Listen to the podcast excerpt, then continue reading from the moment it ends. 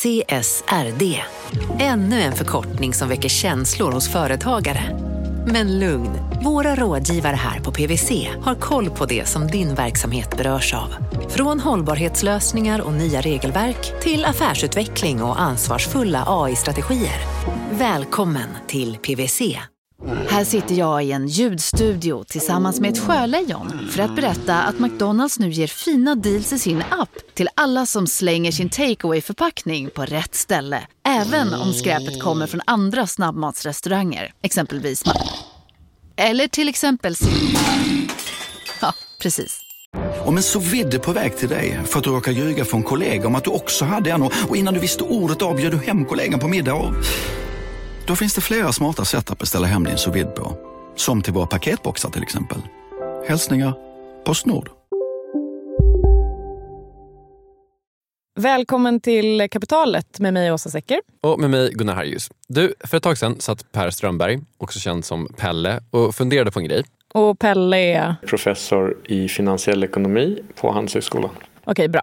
Han är också direktör för Swedish House of Finance, vice ordförande för Sjätte AP-fonden, ledamot i Vetenskapsakademin, ordförande för den kommitté som utser Nobelpriset i ekonomi. Du menar Riksbankens pris i Alfred Nobels minne alltså? Så heter det. Det jag försöker säga är att när Pelle funderar på någonting, då kan det nog vara läge att lyssna faktiskt. Jag är med dig på den. Och det han tänker på, det är det här. On paper, but you and me, the brokers, We're taking home cold hard cash via commission, motherfucker. Right. That's incredible, sir. I can't tell you how excited I am. You should be. Det han tänker på är alltså eh, Wolf of Wall Street. Leo DiCap. Om jag får gissa lite mer specifikt då kanske att folk på Wall Street tjänar snuskigt bra med pengar. Mm, de tjänar riktigt, riktigt mycket pengar faktiskt. Och inte bara på Wall Street utan också i Sverige i det som man brukar kalla för den finansiella sektorn. Du menar banker? Banker, tradinghus, delar av försäkringsbolag brukar man räkna in. Men det är typ det man tror att det är. Alltså bankerna är verkligen liksom den största delen. Och lönerna i den finansiella sektorn, tänker Pelle, har väl stigit jättemycket.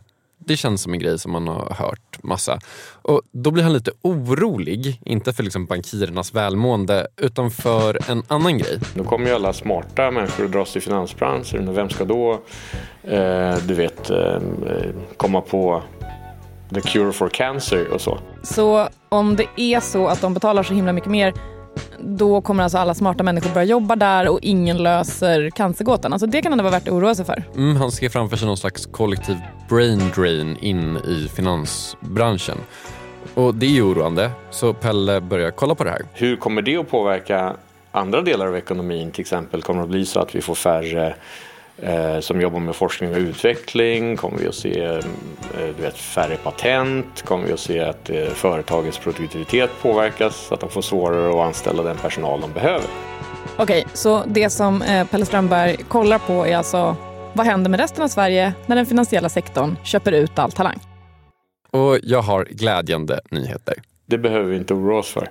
När kapitalet fortsätter, varför vi inte behöver oroa oss.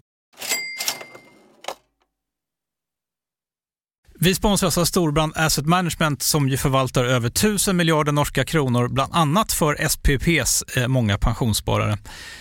För två år sedan så investerade Storbrand i drygt 60 tåg, alltså tågvagnar, eh, som rullar mellan London och Skottland. De leasar sedan de här tågvagnarna till tågoperatören som alltså kör tågen och säljer biljetter och sånt eh, med ett avtal på 27 år. Så britterna får nya fina tåg och storbrandskunder, eh, däribland alltså SPPs pensionssparare, får en inflationsskyddad avkastning med låga risker under lång tid. Det här är ett av supermånga exempel på hur pensionskapitalet i växande omfattning bidrar till att bygga samhället och inte minst till att klara klimatmålen.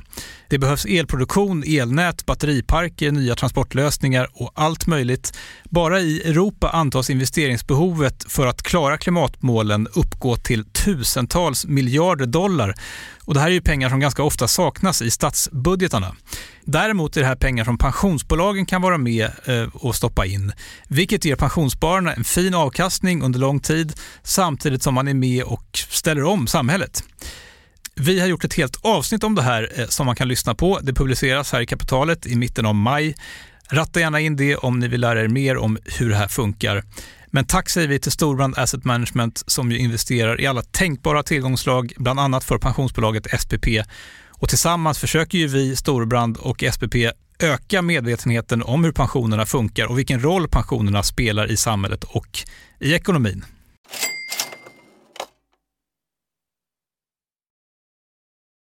Pelle Strömberg har varit orolig. Är det så att alla smarta människor i Sverige som borde lösa cancergåtan istället kommer börja jobba i finanssektorn för att de betalar så snuskigt bra?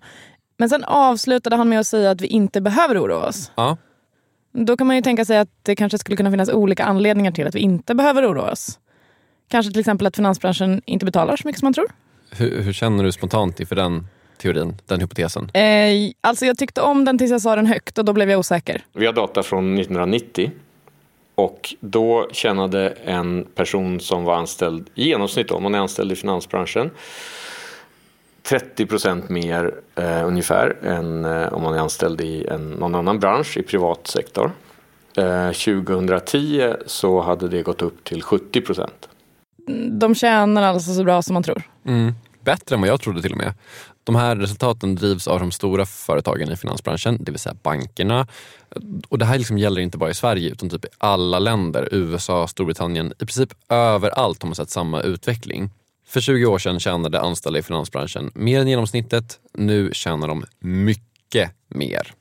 Och det har funnits en rådande förklaring till varför det här har hänt. Vi hoppar tillbaka lite till 70-talet och hur det var att jobba på en bank då. Det är mycket snack om att du vet, Gunnar Sträng bestämde vem man skulle låna till och vad det skulle vara för ränta. Och eh, det var inte speciellt svårt jobb så man hade tid att spendera två, tre timmars luncher med rödvin. Ja men så himla skönt. Man bara lät Gunnar Sträng ta hand om det där. Precis, eller som han själv beskrev det. Lite grann har finansministern att säga till om. Det är ingen tvekan om det. Men eh, Gunnar Sträng var ju bara finansminister fram till 76. Det var en stund sedan. Vad hände, Vad hände sen då? Man avreglerade finansbranschen på 80-talet. Då blev det här finansjobbet plötsligt mycket svårare. Du måste göra kreditbedömningar och du kan erbjuda nya finansiella produkter och så vidare. Och plötsligt så eh, krävdes det liksom faktiskt att ha någon typ av talang för att kunna göra det här bra. Och då ökar efterfrågan hos finansiella företag för talang.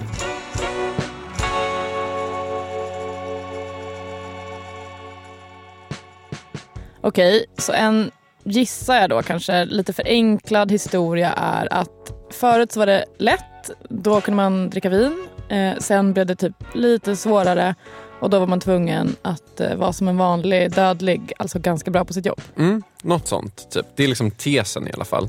En annan del av den här tesen om varför det behövs mer talang i finansbranschen det har att göra med den teknologiska utvecklingen. Eh, typ att datorn kom och den gjorde då att att eh, man kunde hantera väldigt mycket större summor. Så om du var bättre än jag på, på det här med finanstradingjobbet, säg att du är 10% bättre än jag på det. 1990 så spelade det typ inte så stor roll för då kanske 10% bättre bara gjorde att du kunde dra in jag menar, en miljon mer till, till firman eller någonting.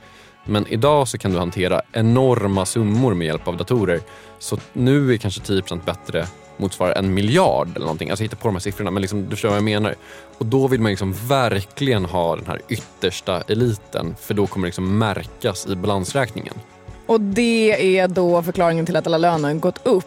Men kanske framför allt till varför man betalar såna otroliga summor för de som är allra bäst. Alltså eliten. Mm. De som tjänar allra mest i finansbranschen tjänar idag typ 200% mer än de som tjänar mest i andra branscher. Och om man jämför med oss så tjänar de kanske 4 000 mer. Jag tror inte jag vill veta. Cirka. Men Pelle har ju sagt att vi inte behöver oroa oss för den här brain drain. Att vi kommer ha folk som löser cancergåtan vad det lider. Men de tjänar så mycket som vi tror. Så vad är det som gör att vi inte behöver oroa oss? Om vi tänker att det finns två faktorer som skulle kunna spela in. Löner, det var avskrivet. Och den andra delen är? Ja, men kanske typ att de inte är så smarta så vi klarar oss utan dem. Ja, det är väl typ sant. Den genomsnittliga eh, personen som jobbar i finansbranschen är något mer talangfull i termer av IQ och ännu mer talangfull i termer av EQ jämfört med andra branscher. Det kommer ett men här tror jag. Det kommer ett men. Våra resultat visade ju att det fanns ingen eh, relation mellan ökningen i talang och ökningen i lön. Okay? Och om det är så att löneökningarna drivs av att de här mest talangfulla individerna blir mer och mer produktiva i finansbranschen över tiden relativt alla branscher. Då borde det också vara så att finansbranschen kommer att vilja anställa mer och mer talangfulla personer istället för mindre talangfulla personer för de här blir ju mer och mer värdefulla. Men eh, om man tittar på, på andelen talangfulla människor i finans respektive andra branscher är i princip konstant över hela den här perioden. Det där är liksom ett lite krångligt sätt att säga lönerna har ökat men talangen har inte ökat. Okej, eh, då känner jag att det är så här, eh, ring ding ding ringer en varningsklocka i mitt huvud. Alltså hur mäter man talang? Man mäter det, Åsa, genom att bo i Sverige. För i Sverige, som du kanske vet, så mäter vi allting. Det finns statistik på hur mycket alla tjänar. SCB sitter på de siffrorna. Och så finns det siffror på hur smarta vi är. Det där köper jag inte. Staten vet väl inte hur smart jag är? Nej, de vet inte hur smart du är. Och de vet inte hur smart jag är. För vi har nämligen en sak gemensamt. Vi är ynkryggar som inte vill försvara Svea rikes gränser mot angrepp från främmande makt. För männen där har vi mönstringstesterna från lumpen. Så för er som har mönstrat minns att där var ett antal olika moment. Det var, man skulle cykla på motionscykel och sånt där. Det har vi inte använt. Men däremot så gjorde man, har vi ett IQ-test som man gör när man mönstrar och vi har eh, resultaten från en psykologintervju där man testar vad vi kallar för icke-kognitiva färdigheter. Och det är eh, väldigt bra talangmått därför att de så att säga, är ganska objektiva. De, eh, utbildning och sånt där har problem att när man väljer att utbilda sig då har man också valt yrkesbana så att det statistiskt sett tänker liksom kausalsambanden blir svårare och de är liksom allmänt accepterade eh, mått. Sverige ändå, har koll på allt. Mm, man brukar kalla det här för the great Nordic data och det anses vara liksom bra grejer generellt om man vill göra en sån här kvantitativ undersökning. Ja, men det låter rimligt. Okej, så man tar IQ-testen från eh, mönstringen och eh, också, vad kallar man det för, det här icke-kognitiva färdigheter-testet? Ja, precis. Det är liksom ett psykologtest. EQ översätter eh, Pellre till ungefär. Jag tror ni har ganska bra koll på EQ är. Och som man sa så är det här då männen. Och just i det här sammanhanget så är det inte så farligt att man bara får männen. För de flesta i finansbranschen är män. I alla fall på de här högre betalda positionerna. Patriarkatet jobbar i forskningens favör alltså? Så kan man absolut säga. För kvinnor då så har man kollat på betyg från grundskolan och gymnasiet. Uh, han medger att de siffrorna är liksom inte riktigt lika säkra. Och som du säkert vet och som jag definitivt vet så har inte alla någonsin genom tiderna behövt mönstra utan det har funnits perioder ganska nyligen då man inte har varit tvungen att mönstra. Men det man har gjort är att man har kollat på personer över 30 och så har man gått tillbaka 12 år. Och då har man så ganska bra siffror. Pelle själv säger att de har liksom riktigt bra data fram till 2010 typ. Året jag inte mönstrade by the way. Och då snackar vi riktigt bra data. riktigt bra data. Men okej, så här. IQ-delen är jag nog med på, även om det kanske inte är ett helt oomtvistat begrepp. Men det som vi kallar för EQ-testen, är det inte så att de mest till för att kolla om man typ är en bra soldat? Jag tänkte det också. Men det de kollar på är initiativförmåga och hur utåtriktad någon är. Och Det är liksom grejer som brukar anses vara ganska så bra i arbetslivet. Sen är det också så att de här testen de har liksom visat sig ha bra prediktionsförmåga för vad man får för jobb, vad man får för lön. Alltså om man liksom samkör de här testerna med löner generellt så är det typ, de, de är rätt bra. Liksom. Prediktionsförmåga är också ett helt fantastiskt ord. Verkligen. Men okej, okay, vi accepterar det här måttet. Eh, har de alltså högre löner och mindre talang? Var det där vi landade? Mm, de har högre löner men... I genomsnitt så är en anställd i finansbranschen något mer talangfull än en genomsnittlig anställd utanför finansbranschen. Men eh, den här skillnaden den är i princip konstant över hela perioden. Då. Så att de blir, de blir inte, inte relativt smartare allt eftersom deras löner går upp. Alltså samma talang? Samma talang. Så om det nu är så att de inte har mer talang, då stämmer liksom inte den här hypotesen som vi pratade om innan. Alltså den om att lönerna har ökat för att locka mer talang, för att talang har blivit viktigare, för att jobbet har blivit lite svårare. Precis, så vad är förklaringen? Om den hypotesen inte stämmer, då behöver vi ju en annan hypotes. Jag tänker att vi tar det i ordning. Hypotes 1. Va vad kallar du den hypotesen? Mätfelshypotesen. Okej, är det så att den talang som egentligen spelar någon roll inom finans inte är IQ eller EQ? Eh, det är en möjlighet, eh, men det som... ehm, ett, ett, ett problem med den förklaringsvariabeln, eller med den förklaringen, det är att vad fan skulle det vara? Ja, vad fan skulle det vara? Ja, det skulle då enligt Pelle behöva vara någonting som är helt frikopplat från IQ och EQ. Och dels är det ganska svårt att bara komma på en sån grej spontant. Eh, sen är det också så att både IQ och EQ verkar då utifrån de här eh, testerna som de har gjort, de verkar liksom uppskattas jättemycket i finansbranschen. Du minns att de ändå hade presterat lite bättre på IQ-testerna än genomsnittet och till och med ganska mycket bättre på de här EQ-testerna.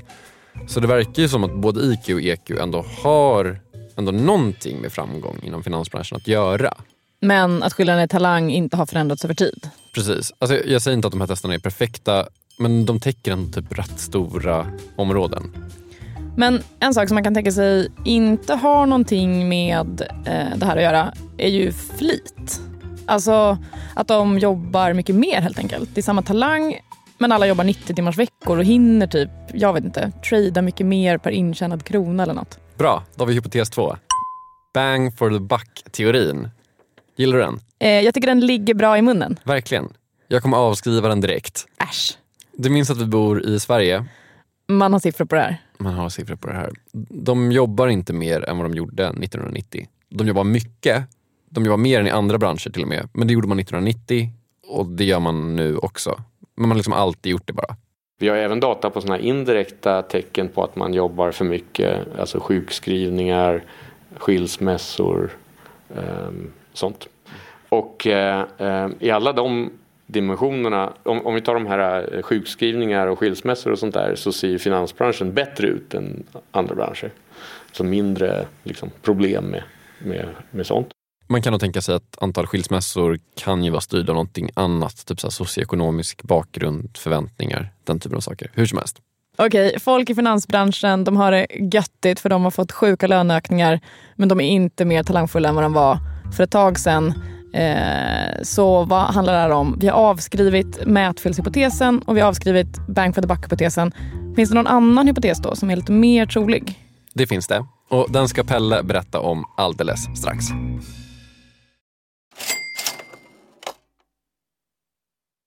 Kapitalet sponsras av Master Exchange, plattformen där du som privatperson kan investera i låtar och får pengar varje gång de här låtarna spelas.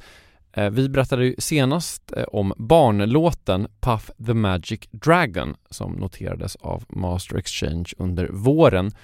Nu har utdelningen på den låten kommit, eller royaltyn som vi säger i musikbranschen. Eh, den ligger på drygt 12% i årstakt och det här är ju en avkastning som är helt okorrelerad till eh, börsen.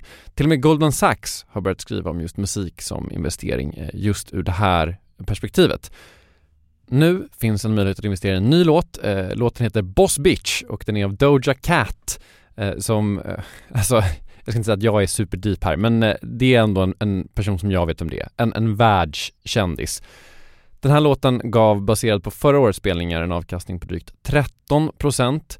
Master Exchange har just nu en väntelista på registreringar. Det, det går lite för bra för dem kan man säga. Men skriver ni in kapitalet som promo code så kan ni runda kön och ansöka om andelar i låten Boss Bitch ändå. Om ni investerar helt vanliga pengar, det är inget krypto eller sånt där. Så vill du investera i musik och få en avkastning som är helt okorrelerad med börsen och kanske inte minst för att det är kul att äga låtar eh, så kan man gå in på masterexchange.com och använda kapitalet som promo code så går man alltså förbi kön. Kom ihåg dock att alla investeringar är förenade med risk men vi säger stort, stort tack till Master Exchange. Kapitalet sponsras av Karla, Jakob. Ja, bilar igen. Ja, det är härligt. På Karla kan man sälja sin elbil eh, på det gissningsvis smidigaste sättet i Sverige. Eh, Karla har ju ett nästan ett komiskt högt användarbetyg på Trustpilot. Mm. 4,8 av 5, vilket jag typ aldrig hört talas om. Nej, det är väldigt, väldigt högt. Eh, Man knappar in lite info om bilen på sidan, sen får man en gratis värdering och ett bud. Accepterar du budet kommer Karla och hämtar upp bilen gratis och sätter in pengarna innan de kör iväg. Inget mer än så. Rätt fantastiskt. Nej, det är faktiskt helt otroligt. Och eh, det kan bli ännu mer eh, otroligt än så. eh, För att vi har nämligen en rabattkod som ger dig 2000 kronor extra för bilen. Så om du säljer din bil så får du två lax extra. Stämmer. Bara sådär. Eh, koden är Monopol och eh, den uppger du när du har värderat bilen och eh, pratat med Karlas inköpare. Koden är giltig till sista maj, så att eh, passa på om du går i säljartankar. Jag undrar om vi haft en kod som har gett två lax bara sådär någon gång. Nej. Det är helt otroligt. Man behöver en bil förvisso. Absolut, så det är inte, kanske inte bara sådär, men det är ändå 2000 kronor extra. Väldigt bra. Ja.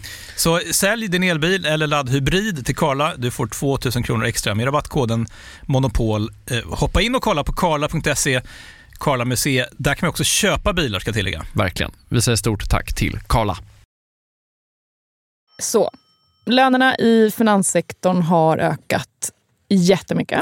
Från 30 procent över snittlönen i privat sektor 1990 till 70 procent över snittlönen i privat sektor 2010. Men talangen ökar inte. Den har liksom varit eh, samma. Samma typ av talangfulla personer blir alltså helt plötsligt mycket, mycket rikare. Jag känner ju mer vi läser att jag har valt fel bransch. Mm. Det är inte att de jobbar mer, för de har alltid jobbat mycket. Eh, kanske är det något som man missar i mätningen. Men de här testerna har tidigare varit indikativa. Och om man missar något, vad är då det? Precis. Så två hypoteser är alltså avfärdade. Du sa att det fanns en tredje.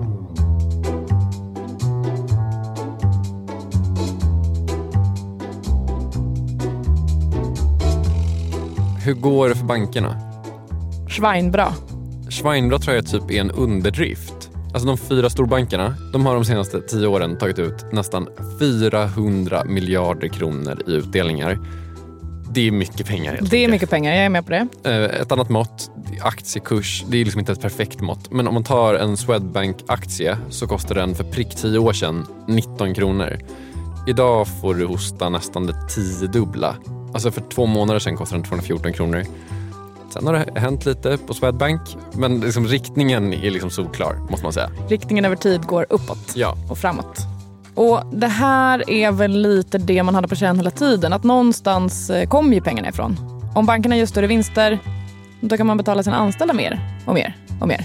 Och mer, verkligen. Och Pelle Strömberg säger faktiskt att de här resultaten någonstans är självklara. Åtminstone för en icke-ekonom, säger han. Vilket är kul tycker jag. Okej, varför skulle en ekonom ha svårare att förstå det här? Vad är det man som nationalekonom tycker är märkligt? Det som man då som nationalekonom kan tycka är, är märkligt Eh, det är att eh, det, om det är liksom i konkurrens på arbetsmarknaden då borde, man borde inte behöva betala någon mer än vad de så, skulle kunna få på något annat jobb. Okay. Så att bara för att, ett, att en bank tjänar mer och mer pengar betyder inte att jag nödvändigtvis enligt en ekonomisk teori i alla fall ska behöva betala den som jobbar på en bank mer pengar. Särskilt om den personen kan bli utbytt mot någon annan som kan göra exakt lika bra jobb. Alltså, det han säger är att bankerna, de här marknadsekonomiska högborgarna, inte följer marknadslogiken när det kommer till löner. Typ. Däremot så finns det ju då alternativa förklaringar som har att göra med eh, att arbetsmarknaden kanske inte funkar så att alla får betalt för sin produktivitet hela tiden. Utan det kanske är så att eh, det är andra saker som bestämmer lönesättningen och tjänar ditt företag där du råkar jobba mycket pengar, ja då får du en högre lön. Och det har någonting med att göra att man vill dela med sig, eller av en, en eller annan anledning så delar man med sig av vinsterna till de anställda. Vilket man kan tycka något, låter positivt. Här börjar vi närma oss spekulationsterritorium såklart. Men det är ändå ganska slående det här med att de delar med sig så mycket. Det finns liksom folk i finansbranschen som inte är liksom bankirer eller traders eller så utan har jobb som man kan tänka sig är ändå väldigt lika även i andra sektorer. Om vi tittar på en vaktmästare i finansbranschen 1990 så tjänade en vaktmästare som jobbade på, för ett bolag i finansbranschen 10% mer än en vaktmästare som jobbade utanför finansbranschen. Och 2010 så tjänade den vaktmästaren 50% mer än en vaktmästare som inte jobbar i finansbranschen. Och det är lite kanske långsökt att tro då att det är för att vi behöver ha de mest talangfulla vaktmästarna och det har ökat liksom över tiden. Om det inte är så då att det är svårare på något sätt i finansbranschen. Men jag tror typ inte att det är det. Jag tror typ inte heller att det är svårare att vara vaktmästare på en bank än någon annanstans egentligen. Jag vet inte. Pelle tror inte det heller. Men du, jag tycker att en annan sak är lite konstig med det här. För om det nu är så att finansbranschen betalar så himla mycket mer. Alltså varför har det inte blivit som Pelle trodde? Alltså varför har inte den absoluta talangeliten liksom brain drainats in i finansbranschen? Varför tar folk fortfarande rätt eh, bra patent och sånt där? Varför har vi folk som försöker läsa cancergåtan? Det är en sjukt bra fråga som Pelle och hans forskarkollegor också har ställt sig. Eller som han formulerar sig. Bryr sig folk inte om pengar eller vad är det frågan om? Så vad är det frågan om? För att svara på det så måste man kolla på vem som faktiskt söker sig till finansbranschen. Alltså man liksom vänder på frågan. Om du har eh, föräldrar som har jobbat i finansbranschen, då är det mycket mer sannolikt att gå till finansbranschen. Om du har gått på ett gymnasium där många traditionellt av de som går på samma gymnasium har gått i finansbranschen, då är det mer sannolikt att gå till finansbranschen. Om du gått i en gymnasieklass där någon annans föräldrar har jobbat finans så har du större sannolikhet att hamna där. Alltså, ja, och så vidare. och så vidare. Det finns massa sådana närhetsgrejer kan man säga. Jag kallar det för proximity-teorin. Man kan nog också kalla det för klassteorin. Man kan om man vill. Typ klass, nätverk, information. Pelle sa typ någonting om att eh, om man är en smart person och läser att folk i finanssektorn har höga löner så kanske man tänker typ så här, ja ah, men gud det förtjänar de inte och att man inte dras dit. Men om man ser ens kusin rulla in på sin studentskiva i en Porsche för att han jobbar i finansbranschen, då tänker man, ja ah, men kanske han ska söka ekonomlinjen liksom. Nu tycker jag också att vi liksom börjar få lite klarhet i det här. Jag tycker också det, men jag tycker vi ska nosa på en grej till. Om det nu är så att de här bankerna kan betala så höga löner för att de gör så himla stora vinster. Varför gör de så stora vinster? Det är det enda jag tänker på hela dagarna. Det är också någonting som Pelle Strömberg tänker på hela dagarna. Och han tycker att det här liksom säger någonting om hela branschen, hela sektorn. Om vi tänker hur kan ett företag göra, och vi kallar det övervinster då. Eh, det är, någonstans beror det på att det kanske inte är benhård konkurrens. Okay. Så att en sak, en hypotes man skulle kunna ha att det här också har att göra med att du har en, en finansbransch som har växt väldigt mycket och det är inte en superkonkurrensutsatt bransch i någon mening därför att det tjänas ganska mycket pengar från ganska många aktörer. Liksom. Varför ska det kosta så mycket att, för samhället att få de här finansiella tjänsterna? Liksom? Det finns något sätt att få samma finansiella tjänster billigare för konsumenten. Ehm, och det är väl en intressant sak att fundera på tycker jag.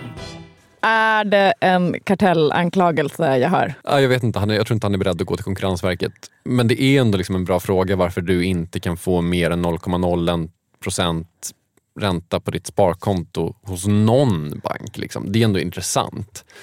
En annan fråga jag tycker är intressant är liksom hur bankerna själva har reagerat på det här. Absolut, det är man nyfiken på. Och det har Pelle svaret på. För han har liksom åkt runt till alla banker och bara så presenterat sina resultat och bara Hallå, ni tjänar så himla mycket och är inte så smarta. Får han ruttna tomater i ansiktet då eller? Ja, man skulle kunna tro det. Men han säger att den vanligaste kommentaren är att alla bara håller med och bara så här, äh, ja ah, det finns otroligt mycket överbetalda personer i den här branschen. Självklart inte jag, jag har en rimlig lön, men många andra. Men då hade jag i alla fall en diskussion med en person som vid den tiden jobbade på en eh, av de stora bankerna, högt uppsatt position. Han blev lite störd av det här då. Men sen träffade jag någon, någon vecka efteråt och sa ja, jag har funderat lite grann på, på dina resultat. Och vem är det som liksom lyckas i våran bank? Vem är det som tjänar riktigt mycket pengar i våran bank? Ja, och det är faktiskt inte de smartaste nödvändigtvis. Och det är definitivt inte de trevligaste. Det är nog de som verkligen, verkligen gillar att tjäna pengar. Och om vi nu frågar vad det är för egenskap som vi missar då kanske det är den. Det är det som... ja. Att de som tjänar mycket deg är de som vill tjäna mycket De som vill tjäna mycket deg, exakt. Alltså det är som något slags uh, the secret. Thinking makes it so. Något sånt. Det är väl en, ett rimligt avslut, någon slags önsketänkande bara. Jag tycker det var skönt att vi redde ut det här. Eh, jag funderar också på att byta bransch, men det kan vi ta, kan vi ta någon annan gång. Vi tar det på personalutvärderingsmötet. Kapitalet är slut för idag. Du heter Åsa Secker, jag heter Gunnar Harjus. Eh, slutmix gjordes av Kristoffer Krook. Jakob Bursell heter vår chef. Företaget vi jobbar på heter Monopol Media. Följ oss på Instagram, det heter Vi Kapitalet. Vi är tillbaka om en vecka. Hej då! Hej då!